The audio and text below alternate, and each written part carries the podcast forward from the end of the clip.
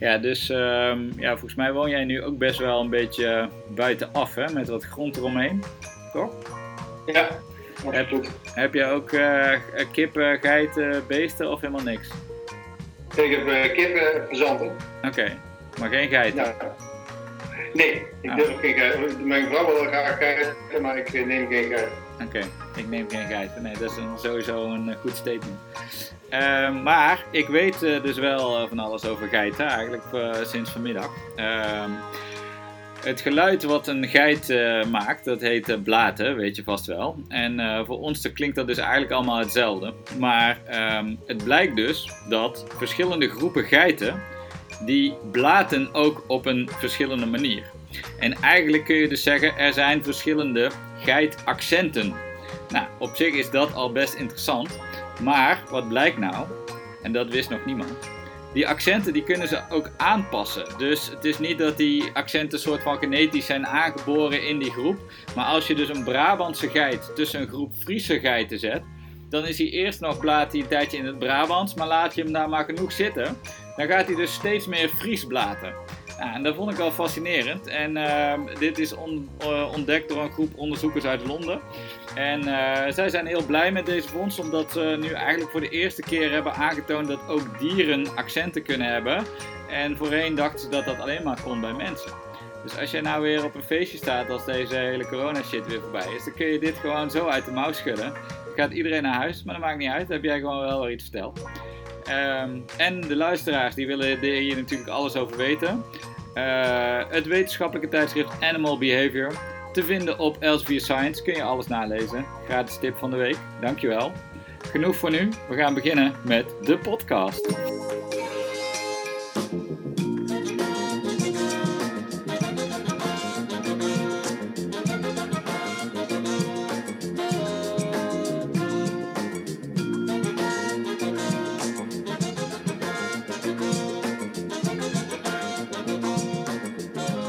Dames en heren, van harte welkom. Aflevering 37 van Current Obsessions, de leukste podcast over marketing en media. Ik zit hier met niemand minder dan Bart Manders, Head of Marketplaces bij Greenhouse in Eindhoven. Eh, nog, want Bart, ik heb vernomen, jij gaat iets nieuws doen. Wat ga jij doen?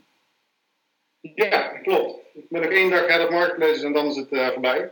Ik ga weer eh, lekker van mezelf beginnen. Oké, En eh, ik ga eh, bedrijven helpen om eigenlijk eh, eh, met zo min mogelijk tussenkomst van eh, nodeloze eh margeverslindende tussenschakels uh, veel eerder met de bron naar de, naar de eindgebruiker toe te gaan.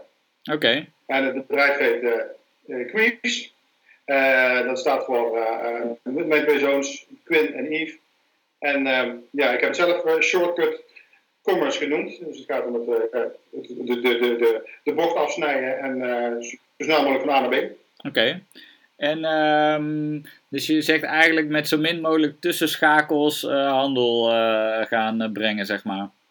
Wat is dat anders dan, zeg maar even, kunnen we, kunnen we al praten over traditionele e-commerce? Waarbij je als handelaar direct naar een eindklant gaat? Het gaat met name over eh, schakels die geen waarde toevoegen. Eh, ik kan er straks meer over vertellen, maar ik ben er ook één geweest. Een eh, kansloze, waardeloze, geen waarde toevoegende dozenschuiver. Ehm die was ik in klein, maar er zijn ook hele grote. eh, die naar mijn ook heel weinig toevoegen in de, de, de, de, journey van een producent of een merk naar de, de, de partij of de persoon die het gebruikt. Ja, want eh, dat is wel interessant, denk ik, om daar inderdaad even iets meer over te, te horen. De, de kansloze dozenschuiver, om jouw eigen woorden daarin even eh, te gebruiken. Maar eh, daar zit vast nog wel een verhaal achter. Want wat heb je precies gedaan? Ik ben eh 2,5 jaar geleden ben ik gestart als verkoper op, op Bol. Ik had een, via een goed contact kon ik eh, mooie eh, kappersproducten inkopen. Dat waren professionele, professionele kappersproducten. Bij, een- kappersgroothandel. En die, die eh, verkocht ik door op bol.com en Amazon aan de consument. En ik deed eigenlijk niks anders dan een bestelling opnemen, bij de, bestelling in- in- ingeven bij de, bij de groothandelaar. Vervolgens gingen die producten werden gestickerd en gingen naar het, magazijn van Bol. Ik ging daar de battle met concurrenten op basis van prijzen, reviews en content. En op basis van de verkopen die ik realiseerde, verdiende ik marge. En dat ging ja, eigenlijk heel erg makkelijk, snel en met tonnen tegelijkertijd op een gegeven moment, in ieder geval qua omzet, maar helaas. Uh, maar dat is eigenlijk het trucje wat ik, had, uh, wat ik heb gedaan. Oké. En dat heb ik helemaal voorgehouden. Oké, dus je, dit heb je gedaan en de, dus je schetst nou eigenlijk even de grote lijn. Neem ons eens even mee naar het begin. Dus je hebt ergens een contact en uh, dan, dan begin je neem ik aan in het klein. Wat voor hoeveelheden ben je begonnen?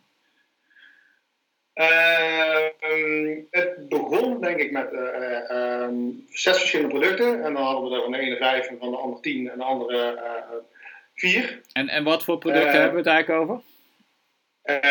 Steltangen, tondeuses, dure kappers, shampoos, ja. haarserums. Ja. Allerlei dingen die wij als mooi boys ja, natuurlijk veel zelf ook gebruiken. Hebben we nodig. Ja, hebben we nodig. Ja, absoluut. Nee, er, er zat gewoon wat dat betreft een heleboel uh, lucht en marge in, In, in, die categorie. En dat uh, hadden we eigenlijk ontdekt. Ja.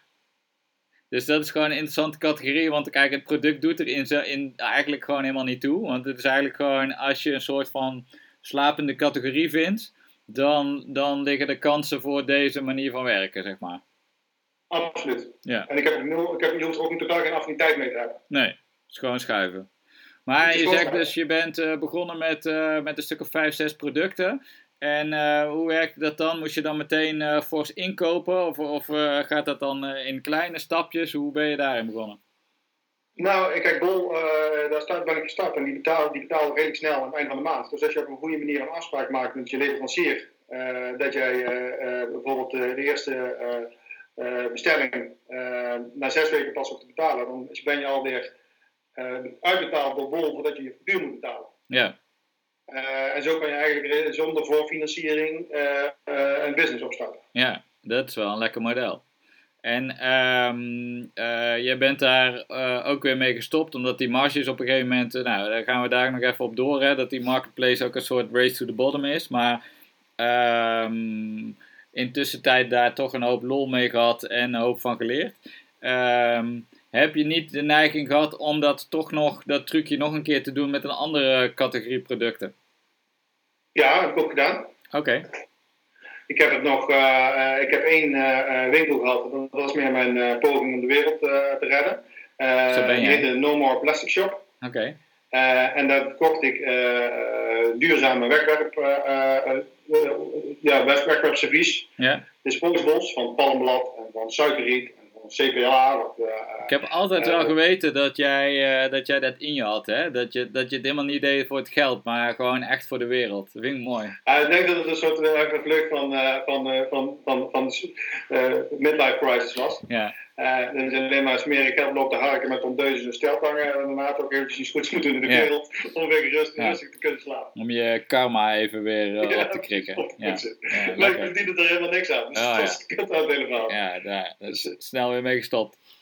Ja, nou ja. Uh, maar wel heel leuk, want daar kocht ik ook eigenlijk heel simpel. Ik kocht heel groot in bij B2B-partijen die maar gesproken aan foodtrucks en festivals leverden. Uh, zelf zeg maar, de, de, sociale werkplaats uitgehangen en uh, zakken met 500 uh, lepels terug verpakt naar zakjes van 10 lepels per stuk. Um, ja, en zelf vanuit je eigen huis weer versturen naar, naar, de, naar Bol, in dit weer. Maar uiteindelijk zie je dat er echt geld achteraan moest. Um, en je merkt ook dat er een aantal hele grote partijen tussen kwamen zitten. die het ook niet deden omdat ze de wereld, wereld aan het verbeteren zijn. Uh, maar die deden omdat er nou eenmaal gewoon een verbod komt op uh, plastic. Ja. En wat voor, wat voor partijen zijn dat dan? Die zeg maar, dit, dit doe jij als individu. En zo zijn er natuurlijk nog honderden, zo niet duizenden in Nederland alleen al die dat doen. Maar je, je, schrijft ook van op een gegeven moment komen er grote spelers. Maar ik heb eigenlijk geen idee van wat doen die dan uh, 20, 30, 3000 categorieën tegelijk? Of is, zijn er dan grote spelers in de categorie servies of in de categorie haarproducten? Ja, zeker. Er zijn grote, er zijn grote traders in de, in de, in de, beauty-categorieën. Ja. Uh, die willen ook een parallel import doen. Die willen Polen halen, willen Spanje halen. Uh, een hele grote partijen doen. dat waren eigenlijk in de business, meer in de business concurrenten van de partij waar ik in kocht. Ja. ja en, en ik werd daar uiteindelijk tussenuit gehaald, want zij zijn zelf aan het, aan het verkopen. Ja.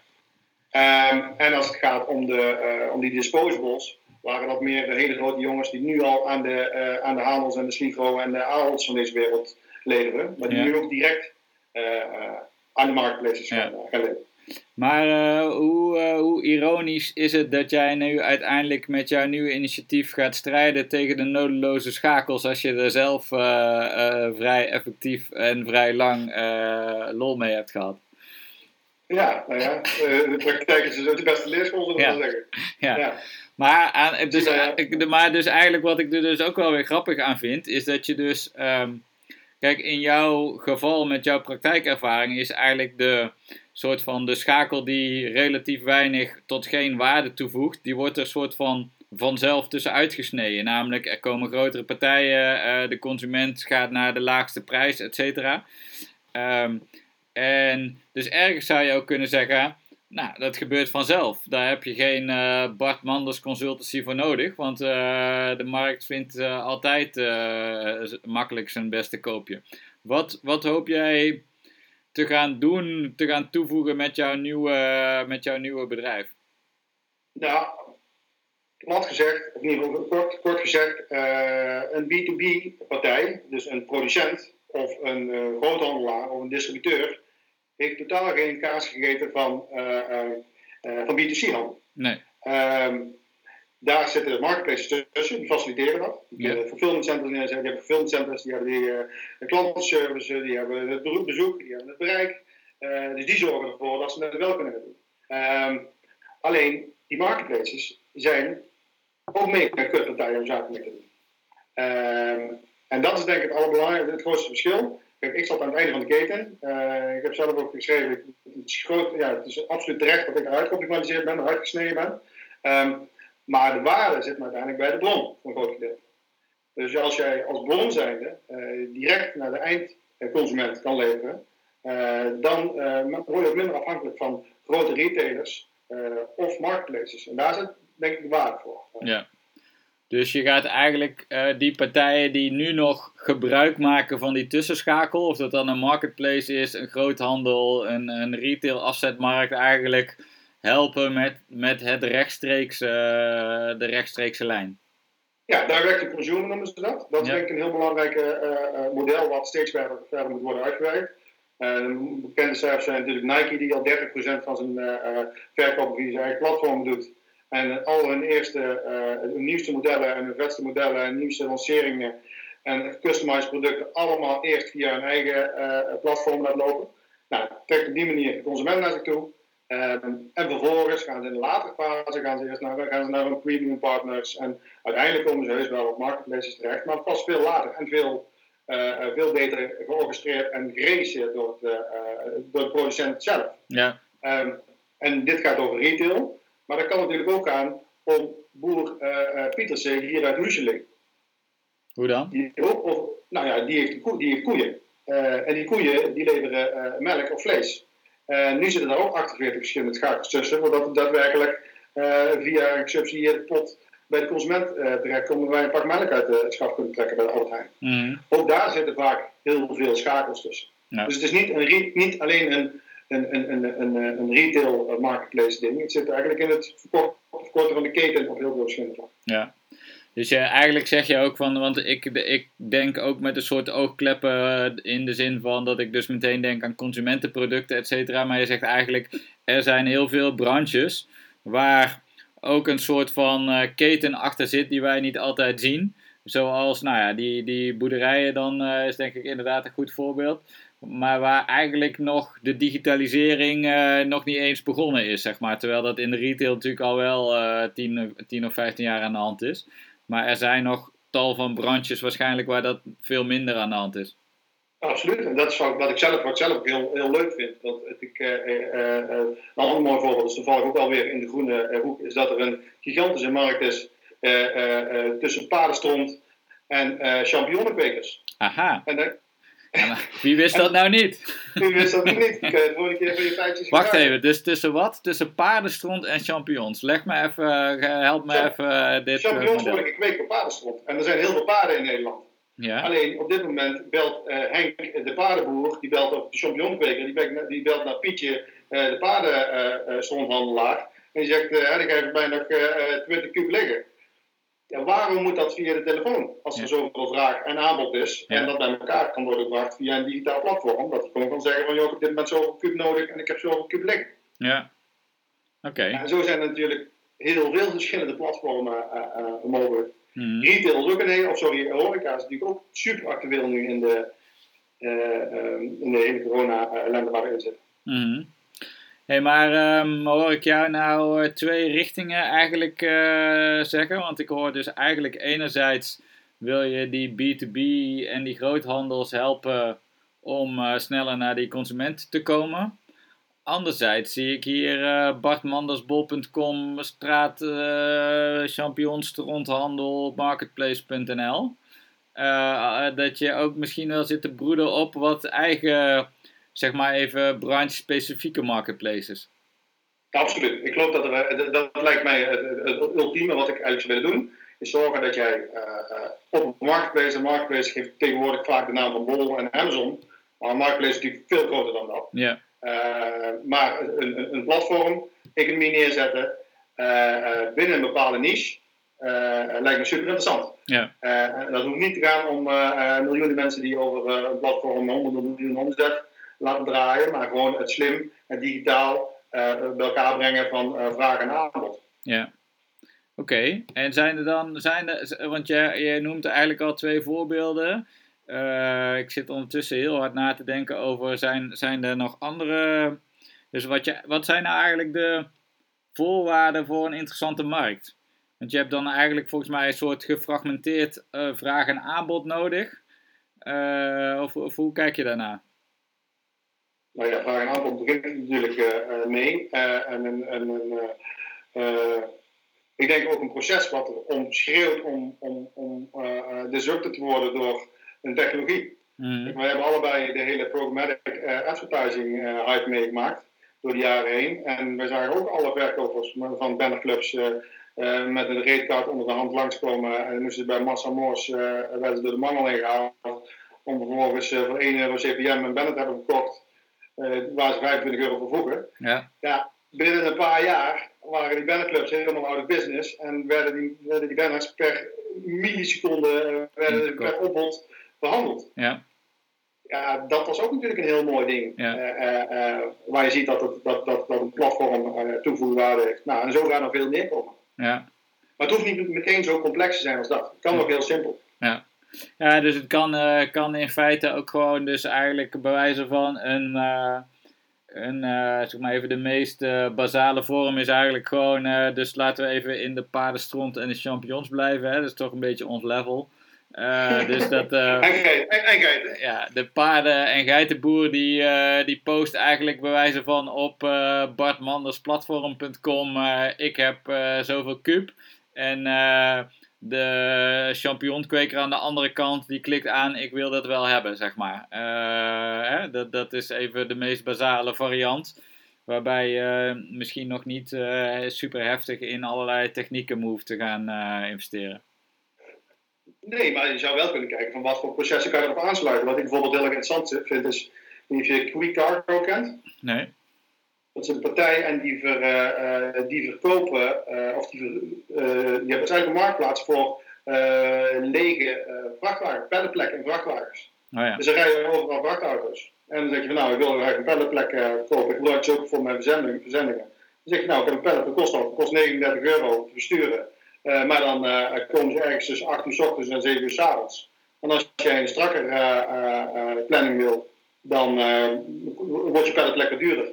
Maar dat soort fulfillment en logistieke oplossingen kunnen natuurlijk ook heel goed bij een, een, platform worden aangesloten. Ja. Dus de technologie gaat vaak, denk ik, moet, moet wel verder kunnen gaan dan alleen maar vraag en aanbod bij elkaar brengen, zoals bijvoorbeeld op marktplaats.nl. Mm. Maar de transactie afhandelen, een stuk klantenservice, een stuk logistiek, dat maakt eigenlijk het, het, toevoegen van additionele data, dat maakt denk ik een platform-economie interessant. Ja. Um, nou werkt dit ook nog best wel wat um, um, specifieke branchekennis. Hè? Tenminste, als je zo'n als je wil begrijpen wat je daar kan doen, waar je toegevoegde waarde ligt, moet je ook nog best wel snap. Ja, weet je, ik weet echt geen reet van logistiek. Eh, dus ik weet ook niks van uh, hoe palletplekken verhandeld worden. Uh, ik denk dat jij tot voor kort ook weinig wist van uh, paardenstront en champignons. maar op, op zeker moment ben je daar dan achter gekomen. Maar het lijkt me nog best een ingewikkeld proces om ja, dat soort kansen te, te spotten? Of, of hoe, kom je nou, hoe ben je aan zo'n idee gekomen van die uh, paardenstront, om maar die nog maar even naar, naar voren te halen? Uh, nou, die heb ik niet zelf bedacht. Die, die hoor ik weer van iemand. Die vertelt van, hey, weet je dat er daar ook uh, een grote behoefte is aan? Mm -hmm.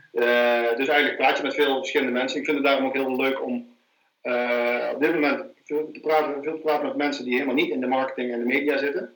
Ik loop er eerlijk vroeger werkte vroeger bij, voorheen bij One to Market, de zoekmachine marketingbureau, daarna Blue Mango Greenhouse.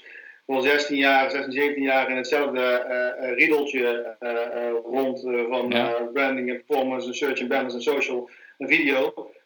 Daar ik vind het wel leuk om met andere, en andere branches ja.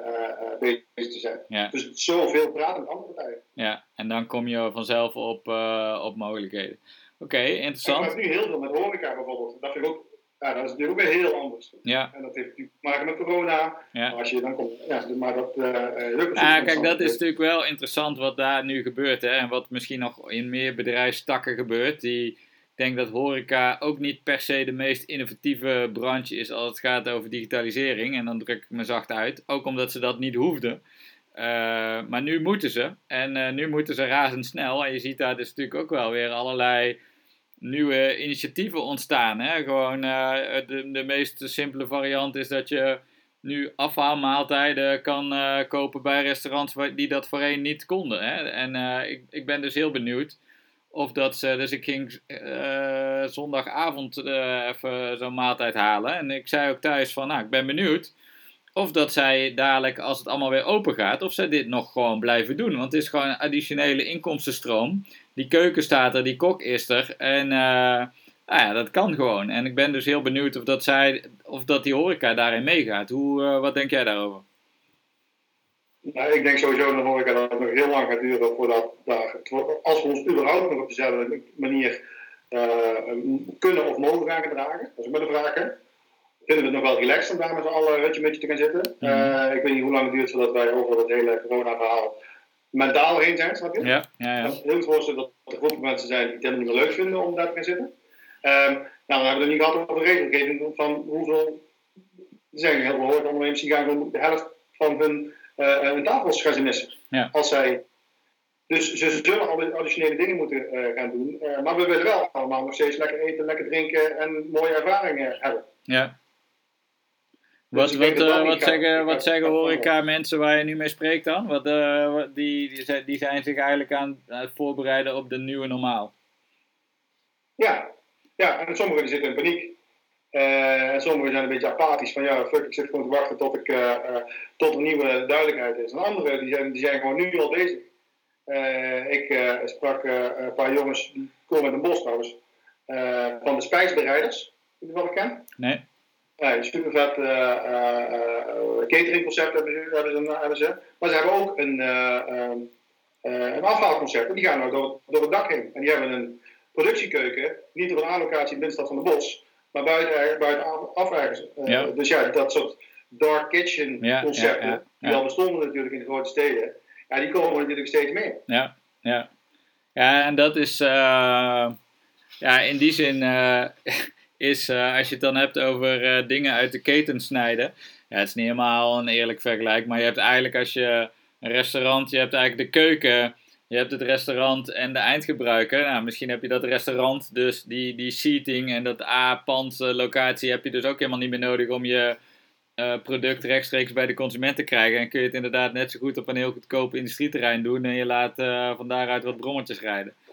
Nou ja, of wat er natuurlijk veel gebeurt, is dat ze gebruik maken van uh, marketplaces zoals uh, Deliveroo en uh, Thuisbezorgen. Dat ja. zijn voor mij ook marketplaces. Ja. alleen daar komt ook weer heel erg de afhankelijkheid bij kijken. Is dat mensen zeggen van ja, ze vragen 15% marge en het is een rip-off deal en het is veel te veel, we kunnen niet betalen. Maar vaak zijn dat ook gewoon pizzabakkers of frietbakkers, wiens product niet uh, uniek is. Nee. Dan denk ik bij mezelf, als je dat niet kan betalen, dan is je pizza gewoon niet lekker genoeg. Nee. Of je tent niet leuk genoeg. Ja. Dus, dus het gaat uiteindelijk wel nog om toegevoegde waarde. En dat is denk ik wel heel belangrijk, ook in de horeca. Ja. En um, hoe, hoe ga je daarnaar kijken dan? Hè? Want je gaat natuurlijk dadelijk ook uh, praten met ondernemers die, die op dat gebied een probleem hebben. Hè? Laten we even bij de pizzabakker blijven. Um, um, dan kun je dat uh, constateren en dan kun je tegen die pizzabakker zeggen. En dan zegt hij, uh, ja, maar help mij dan om meer onderscheidend uh, te worden. Gaat Bart Manders Consultancy dan dat ook doen? Of zeg je dan, gast, ga jij dan maar gewoon even lekker naar een marketingbureautje. hier heb je een telefoonnummer. Nou, kijk, ik wil sowieso niet alleen de consultancy doen, maar ook daadwerkelijk gaan fixen. dus alles, wat, alles wat, wat, hij digitale wil, gaat ervoor zorgen dat dat digitale wordt ingericht. Um, maar ik ga me niet bemoeien met wat, zij, wat hij moet doen. Nee. Kijk, hij, hij is hier de fucking pizza bakker. Ja. Jij Als gaat hij niet in staat is om, om betere pizza's te bakken dan de buurman, ja, daar ga ik ook niet voor verzinnen. Nee, nee, nee. Oké. Okay. Ik kan wel weer bijvoorbeeld leren uh, hoe hij uh, een, een, een eigen uh, digitale community, of in ieder geval een contactstrategie kan bouwen. Dat hij niet afhankelijk is alleen maar van thuisbezorgd. Ja. ja, en je kunt altijd Harald Heukers vragen. Ja, die weet zeker nog 10 tips. Zeven sleutels. Gratis tips. Ja. Zeven sleutels. maar uh, uh, je zegt eigenlijk, oké, okay, ik wil het ook gaan fixen. Uh, nou ken ik jou niet als de meest briljante programmeur of developer. Hoe, nee. nee, ja, ik, ik heb jou ook zitten hoor, maar hier denk ik toch even, nee, dat, dat, dat gaat hij niet zelf doen. Ga je, nee, hoe, heb je daar al contacten in of hoe wil je dat gaan doen? Nou, kijk, ehm, heel veel dingen worden ook vaak heel erg moeilijk uitgelegd. Ehm, als jij een, eh, een webbouwbureau, webbouwer belt en je, vraagt, en je komt met een groot merk aan, dan gaan ze altijd meteen een Maserati voorstellen en ook nog eens een keer met een onderhoudscontract ja. en uh, uh, acht jaar extra garantie erop, ja. voor weer een ton extra. Ik denk dat de pragmatiek, ehm, dat je daarmee een heel eind kan komen om te laten zien dat iets kan werken. Ja. En dat kan met gewoon hele slimme jongens van, van, van, van begin 20 uh, die slim kunnen programmeren, kan je een heel eind komen. Ja. Uh, ik wil ook, hetzelfde voor online marketing. Ik wil ook nog eens een keer een aflevering maken. En misschien moeten we die samen maken over een jaartje. Zeg maar. Uh, ik ben helemaal gefascineerd door die hele no-code beweging. Zeg maar, hè? Waarbij ze eigenlijk met, met online tools die uh, voor twee tientjes in de maand. Weet je wel, Zapier om datastromen aan elkaar te koppelen. Google Docs, Sheets die, die bubble om apps mee te bouwen. Gewoon, dat kunnen jongens zoals jij en ik, kunnen dat ook. Weet je wel, natuurlijk, je moet er een beetje digital savvy voor zijn, maar je hoeft er geen programmeur voor te zijn. En nee, mij is dat, kan, dat kan echt makkelijk. En ja, ja daar, ben ik nu ook al mee bezig. Omdat er is ook rondom marketplaces echt wel heel veel tools waar gewoon uh, uh, met een beetje simpele boerenlullenstand kan je een heleboel in elkaar uh, drag and droppen. Ja. Um, is dat uiteindelijk uh, het platform wat, de, wat moet concurreren met de, de Airbnb's, de, de, bookings en de, en de Amazons? Nee, maar je kan wel heel goed laten zien uh, dat er potentie zit in het businessmodel en ja. gaan laten groeien. En dan uiteindelijk moet er natuurlijk wel een, een platform komen wat ook echt, ja, je kan echt sustainable is. Je kan het eigenlijk met uh, super low cost, het, het echt valideren, iets werkends neerzetten, laten groeien. En dan, dan op het moment dat je echt tractie krijgt, dan kun je altijd nog die Maserati gaan bestellen. Maar ik vind dat wel een mooie manier. Gewoon om, weet je, het is ook niet lullen, maar gewoon gaan doen. Gewoon gaan bewijzen. En dan, nou ja, je zegt net ook al, je loopt 16, 17 jaar rond in die marketingwereld. Dan heb je ook de nodige nou, geblaad, om maar weer even de geiten aan te halen, gehoord. En uh, gebakken lucht, dat wordt daar natuurlijk ook veel verkocht. Maar uiteindelijk gaat het er gewoon wel om, uh, krijg je shit voor elkaar. En uh, dat, dat is natuurlijk wel heel tof als je dat zelf kan. Ja, er wordt zoveel geluld over een, over een CRO-testje testje met uh, 4%, 4% conversie, verhoging van conversie. Maar als je ziet het daadwerkelijk oplevert, dat het hele ding helemaal nooit geïmplementeerd wordt, is het alleen maar gewoon een leuk verhaal op een blog. Ja. Um, en ja, zo heb ik natuurlijk honderdduizenden dit soort cases voorbij zien komen. Maar wat zijn nou de echte dingen die het verschil maken? Dat zit hem niet in een CRO-testje. Nee. Het zijn echt in de onderliggende business. Ja, ja, precies. Ja. ja. en dan snap ik ook wel dat je dan op een gegeven moment al die ervaring en je hebt daarin lang genoeg meegelopen dat je ook denkt: oké, okay, I've been there, been around the block. Ik heb eigenlijk alles gezien van binnen en van buiten, alle verhalen gehoord, maar nu gaan we één laag dieper, zeg maar. Nou ja, en doordat ik zelf bezig ben geweest met marketplaces, zie je hoe leuk het is om zeg maar, heel, op heel veel andere vlakken uh, uh, bezig te kunnen zijn en invloed te hebben dan puur aan bijvoorbeeld aan de marketing of, de, of, de, of zelfs alleen in de mediakant. Ja. Um, dat vond ik gewoon, gewoon heel vet en heel leuk om, om gewoon ook met, met, met, met de klant in contact te komen. Ik heb een heel ander beeld gekregen van de consument. Want het zijn stelletjes smerige, verwende pubers gewoon. Hoe zij omgaan met, uh, met partijen, met e-commerce partijen. En hoe zij kopen en wat ze allemaal niet verwachten. Ja, ik kan er een boek over schrijven. Maar dat, is wel, dat, dat leer je op het moment dat je uh, echt daadwerkelijk zelf met die consument in contact bent. Ja. Heb je heel toevallig dat artikel gelezen van uh, Jeroen van Berg-Eik, volkskrantjournalist die uh, zes weken undercover ging in het uh, bol.com magazijn, een maand of twee, drie geleden. En daarin wordt dat ook, dat, dat eigenlijk zeg maar de smerigheid van de consument wordt daarin ook heel goed beschreven, weet je wel, dat die stofzuigers worden teruggestuurd met als reden, ik vond de kleur niet mooi, maar dan wel de hele stofzuigerzak gevuld en gebruikt en nou ja, nog veel ergere voorbeelden. Ja, is... ik, ik verkocht tondeuses en die komen gewoon terug met, uh, met haren erin. Uh, of er komen tondeuses terug waarvan je een serienummer kan zien dat het gewoon een oude tondeus is van een jaar geleden. Die ja. heb ik nieuw in de doos gedaan. Of dat allermooiste verhaal, dan denk ik, nou, dat, dat heeft te maken met hoe Bol omgaat met de verkopers. ik kreeg een melding van een, een klacht. Die, die, klant die had twee weken, of drie dagen geleden een tondeuze gekocht. En uh, die mailt naar Bol, beste Bol, ik heb een tondeuze gekocht. Hij is heel fijn, maar ik heb hem helaas laten vallen. Hij is kapot, hij doet het niet meer. Punt 1. Hoezo durf je dat te vragen? Mm -hmm. uh, je hebt hem zelf laten vallen, ja. ja. ja. Bol, die vraagt aan mij, beste verkoper, zie de klacht van de klant. Wat kunnen jullie voor hem betekenen? Nou, en probeer dit nou eens even terug te plaatsen naar de fysieke wereld. Dat jij teruggaat naar de winkel en met droge ogen staat te verklaren aan de verkoper: van ik heb hem net zelf tegen de grond aangemerkt, dat is kapot, maar ik alsjeblieft een nieuwe van je. dat staat toch niet? Nee. Maar die anonimiteit van e-commerce, die, die maakt dat mensen zo arrogant zijn en uh, totaal niet meer nadenken over van dat ze bij iemand, ja, bij wie dat ze bij een mens inkopen. En dat die persoon ook geld heeft betaald om daadwerkelijk dat product in te kunnen kopen en bij je te kunnen uh, brengen. Dat is uh, ja, schrikkelijk. Ja.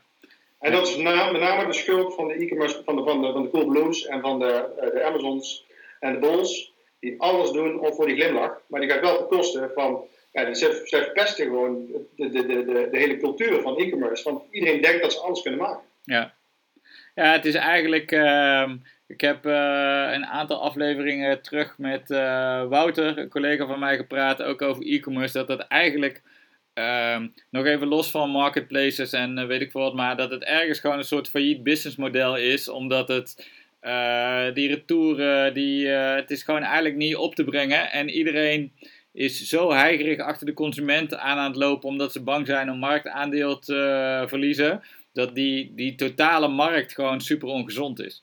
En ik ben wel benieuwd wat Amazon dadelijk nog teweeg gaat brengen, maar ik denk dat die markt alleen maar ongezonder gaat worden. Maar als je eigenlijk bedenkt dat Bol.com maakt volgens mij al jaren verlies. Weekamp is nooit uit de rode cijfers gekomen. Coolblue maakt winst. Maar als je kijkt op zeg maar 1 miljard omzet of zo, dan is dat eigenlijk die paar miljoen winst die ze maken een schijntje. Uh, bovendien, met de fysieke winkels die ze ook al hebben, wordt het ook wat meer een retailer dan een secke e-commerce partij. Dus het is eigenlijk gewoon een totaal verziekte markt. Maar wat het gekke is, het houdt niet op, weet je. We zijn al, eh, hoe lang hebben we al e-commerce? Misschien al 15 jaar. En nog steeds, nog steeds is er een soort inhaligheid naar, uh, naar boven toe. Maar ja, op een gegeven moment moet je toch die bodemloze put gaan dempen, zou je denken. Ja, nou ja, en het is natuurlijk, uh, er zijn natuurlijk wel heel veel, heel, heel veel internationale partijen die daar gewoon heel veel uh, marktaandeel aan, aan het pakken zijn. En die, die, die, die flikkeren gewoon iedereen uit de markt. Ja. Het, is niet, het is gewoon niet vol te houden als jij puur een doosje schuiven bent om dat op Amazon of Bol te doen. Ehm, maar er zijn ook hele interessante retail formules die wel gewoon bezig zijn met toegevoegde waarde en die ook slim bij, bezig zijn met hoe kan ik nou zorgen dat ik de klantrelatie zelf heb. In plaats van dat allemaal bij de Bols en de Amazon mm. en de Zalando's in te leggen.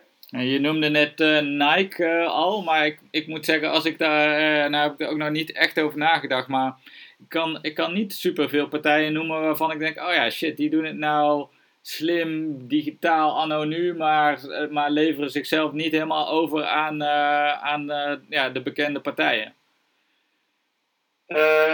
nee. Nou ja, kijk, je hebt natuurlijk je hebt een bepaalde categorie. Je hebt de Playstations en de Sonos. dat zijn partijen die zijn zo groot en die willen zo, en de Nike's natuurlijk ook, die, die willen natuurlijk zelf. Ja. Die wil Amazon een bol graag een van hebben. Die hebben ze eigenlijk nog. Ja. Nou ja, er zijn natuurlijk ook heel veel andere concepten die, die, die, die er bestaan. En die gaan vaak wel om die channel, naar mijn idee. Um, waarbij er absoluut toegevoegde waarde is. En waar mensen ook gewoon graag een paar euro meer betalen voor een bepaald product. Maar dat zijn eigenlijk een beetje de bekende, de, echt gewoon de, de producten die zelf een merk zijn, zeg maar. Sonos is daar een voorbeeld van.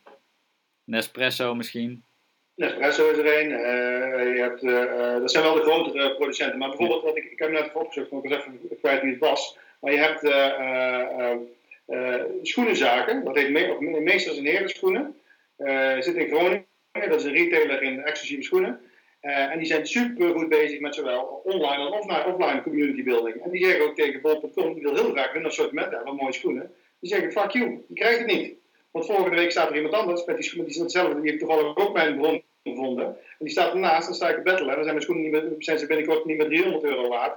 Maar zijn ze nog maar 210 10 euro waard. Ja. Ondertussen zijn ze heel druk bezig om, dat, om hun eigen retailconcept goed uh, ja. neer te zetten. Dus ik denk, het kan wel. Ja. Ja, dat, dat zijn wel interessante voorbeelden, omdat je, je komt vaak eh, uit op de geëikte grote namen uh, met, met uh, onpeilbare marketingbudgetten, maar dit zijn eigenlijk gewoon de kleinere, maar wel hele slimme partijen, die inderdaad wel bewijzen dat er een, een andere manier is, die heel veel partijen, andere partijen nog moeten gaan ontdekken. Dus, ja, er zijn, er zijn nog heel veel fast mover uh, merken die uh, overgeleverd zijn aan, aan de deals met de Jumbo's en de Albert Heijn en de, en, en de Kruidvats. Mm. ja, ik heb er nooit, ik heb er wel de zaken mee gedaan, maar, maar niet, met, niet als, als leverancier, maar meer als agency. Um, maar het is niet fijn om daarmee onafhankelijk te zijn van een inkoper van Jumbo of van Albert. Nee.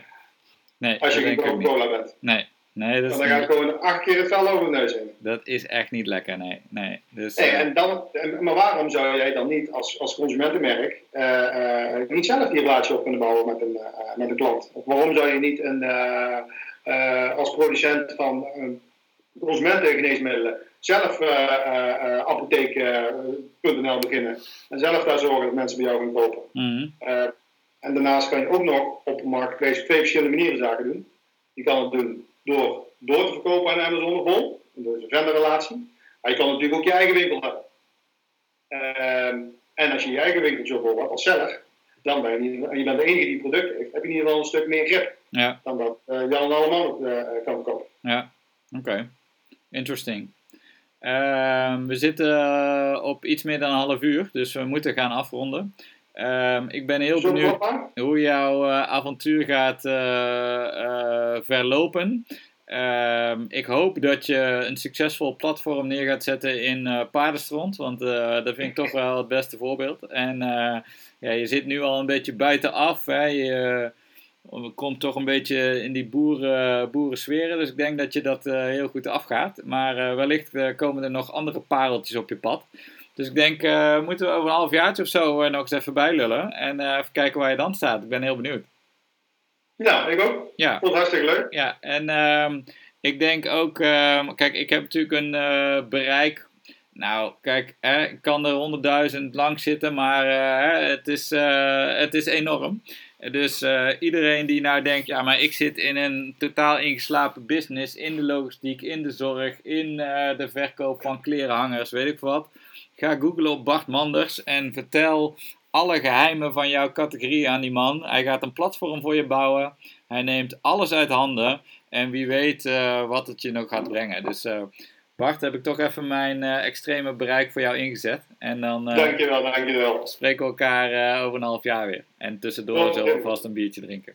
Oké, okay, hoi.